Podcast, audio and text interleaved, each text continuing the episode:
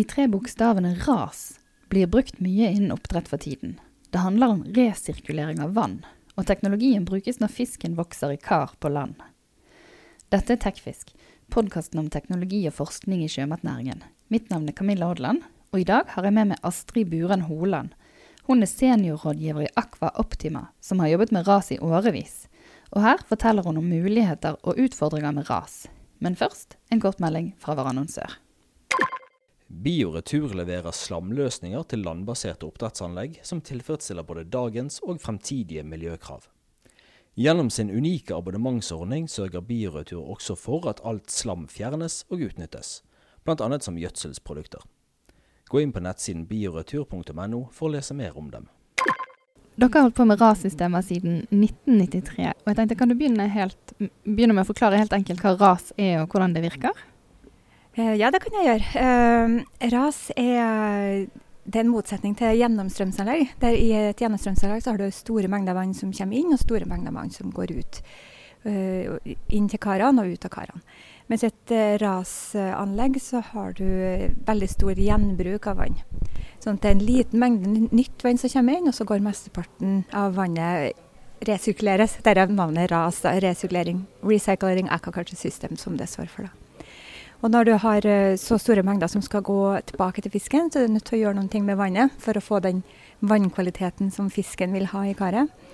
Og da, da må du inn med en vannbehandlingsenhet. Så, så, da er det partikkelfjerning, og det er en bioreaktor for fjerning av ammoniakk. Eh, det er CO2-stripper eh, for å fjerne CO2, og så tilsetter vi oksygen, og så går det tilbake til fisken igjen. Og hva brukes ras til først og fremst? Det brukes jo på den landbaserte eh, produksjonen. Eh, laks er jo en sånn altså I Norge så er jo laks den viktigste arten for oss. Eller for, for oppdrett. Og den, den, første delen til laksen er jo ferskvann, så den jo alltid, har vært alltid på land. Uh, men forskjellen fra før og nå, det er jo at før så var den på gjennomstrømsanlegg, uh, mens nå er den i, i rasanlegg på land. Så det er en måte å drifte et landbasert anlegg på. Hvordan har utviklingen vært når det gjelder bruk av rasanlegg? Og den har vært Eh, altså det var veldig lite brukt fram til kanskje 2008, spesielt i Norge. Da Da var det masse nok vann og ja, ikke det samme behovet for utviding av, av lakseproduksjon som, som, den er i dag. Da. Eh, men så skjedde det noe på ja, 2008-2010 eh, i det området der. Da så vi en, en enorm eh, behov i markedet. Eller vi opplevde at kundene kom og skulle ha skulle ha rasanlegg, og ikke gjennomstrømsanlegg. Og det forsto vi at var hovedsakelig fordi det er ikke nok ferskvann i Norge til å utvide norsk lakseoppdrett.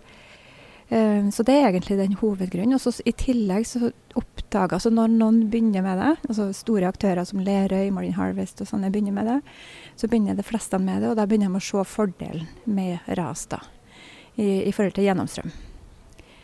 Hva er det som er fordelene? Eh, det er um, I tillegg til den vannbesparelsen du har, uh, som er veldig bra for i det hele tatt, å, i det hele tatt å kunne utvide produksjonen av laks i Norge, så er det den, der, den muligheten du, du, har for kontroll på vannkvaliteten. For det, siden det er så lite nytt vann som kommer inn, så kan du ha fullstendig kontroll på den, den nye vannstrømmen som kommer inn. Og så eh, det vannet som går rundt og rundt, da, det kan vi eh, designe re, rensedelen av anlegget, sånn at det går eh, Sånn at det vannet som kommer tilbake til fisken, er optimalt for den arten vi produserer. Men så likevel så kan det oppstå sykdommer også i rasanlegg. Kan du si litt om hva som er utfordringen med å få det til å funke bra? Eh, vi har sett at det har kommet inn sykdommer. og det, det, I fleste tilfellene så kommer det inn via inntaksvannet. At det ikke er god nok eh, vannbehandling på inntaksvannet. Og Spesielt kanskje når de begynner å ta inn sjøvann eh, for å få brakkvannsanlegg eh, til postsmoltproduksjon, som òg er en ting som holder på å komme ja, som, som bare det. da. Uh, og, der trenger de ferskvann. Og i sjøen så har du masse eh, bakterier, og patogene bakterier. Og det det viser seg at det kanskje ikke har vært god nok vannbehandling på den biten. Så Der ser vi at flere begynner å gå over til f.eks. dobbel barriere på sjøvannet for å sikre den, biten. Så kan det òg være dårlig kvalitet på, på, den fisken du setter inn, eller rogna du får. Eh, kanskje først og fremst på fisken du kommer, uh, setter inn, at du kan få med sykdommer der. Og så er det en veldig stor grad av biosikkerhet i et rasanlegg. Det, du, må, uh, du må ikke slippe inn dyr, f.eks., som vi har sett det, det horrible eksempel på. Eller at du må respektere slusene, sånn at du ikke går mellom avdelingene og sprer eventuelt smitte mellom avdelingene. Ja. Du lemte postsmolt. Hvilke nye muligheter er det RAS gir for oppdrett i Norge og andre steder for så vidt? Ja, Det gir jo muligheten til å ha laksen lenger på land. Og det er jo, det er jo mange fordeler med det. Uh, spesielt det største fordelen er jo lusa. Altså Når du har laksen på land lenger, kanskje at i stedet for at den settes ut når den er 100 gram, så settes den ut kanskje når den er 500-700 gram, kanskje enda mer. Og da, da, vil jo den tida som laksen er utsatt for lus, vil jo bli redusert. I tillegg så vil reproduksjonen av lusa vil jo gå ned, for den har jo ikke noe verdt å sette seg på. sant? Og så, ja, så, så vil også, For et rasanlegg så har du muligheten til å kontrollere temperaturen. Så i kalde deler av året, da, sånn som vi har i Norge, så vil eh, oppdretter ha mulighet til å ha den samme produksjonen, fordi at den kan styre temperaturen. Og Vi er på konferansen Sats marint her i Bergen, og du har hatt eh, presentasjon med temaet nye arter i ras. Og Hvilke nye arter ser du for deg kan vokse opp i rasanlegg? Den første tror jeg blir eh, bergilt i Norge, eh, som kan brukes til å spise lakselus.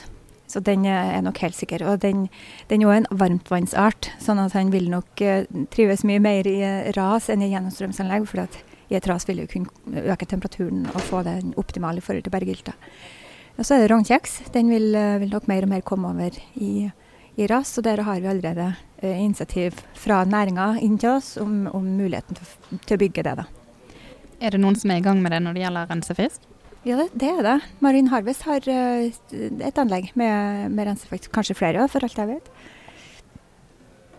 Og det er flere på gang. Andre typer arter som ras funker for? Dere driver jo internasjonalt også. Ja, vi har jo satt opp uh, rasanlegg for veldig mange uh, arter. Så, men barramundi er f.eks. en art som kanskje kan være aktuell for Norge òg. Uh, en veldig, veldig kul fisk. Så det kan jo være en uh, europeisk ål som er en ferskvannsart. Den kan jo kanskje være mulig. Um, uh, ja. Uh, ja. Jeg kommer ikke på flere akkurat nå. Ja. Er man kommet dit man skal være med rasteknologien, eller er det nye utfordringer eller ting som trengs å gjøres for at det skal bli enda bedre? Eh, det er den samme teknologien som har vært brukt i ganske mange år. sånn at det er nok eh, sikkert behov etter hvert for å se på nye metoder, nye tekno ny teknologi som man kan ta inn. og Det, det prøver vi hele tida å oppdatere oss på. Eh, og føler til å bli med på forskningsprosjekt og FoU-prosjekt og sånne ting. Så, men der RAS kanskje bør ja, settes, sette fokus på det er energibesparelser. For det er ganske mye energi som kreves for å, for å pumpe vannet rundt og for å ha den vannkvaliteten som vi ønsker. da. Er det noen forskningsprosjekter dere er med på akkurat nå? Nå er vi på et prosjekt eh, som vi leder sjøl, med støtte av Innovasjon Norge. og det, Da skal vi se på karhydraulikk, altså hvordan vannet eh, oppfører seg i veldig store oppdrettskar. For oppdrettskarene nå altså For bare åtte år siden så var jo 100 kubikk eh, oppdrettskar ganske stort. Men nå er de oppe i 3000 kubikk. Så da blir det, blir det, behov for å se på, på hydrodynamikken da, i karet. Og hvordan partiklene beveger seg, og, og, at vi skal få dem fort ut. Da, sånn at vi får eh, gode opp, oppdrettsvilkår for fisken. Ja, For i sånne store kar blir det bølger og strøm og helt andre forhold enn i sånne små?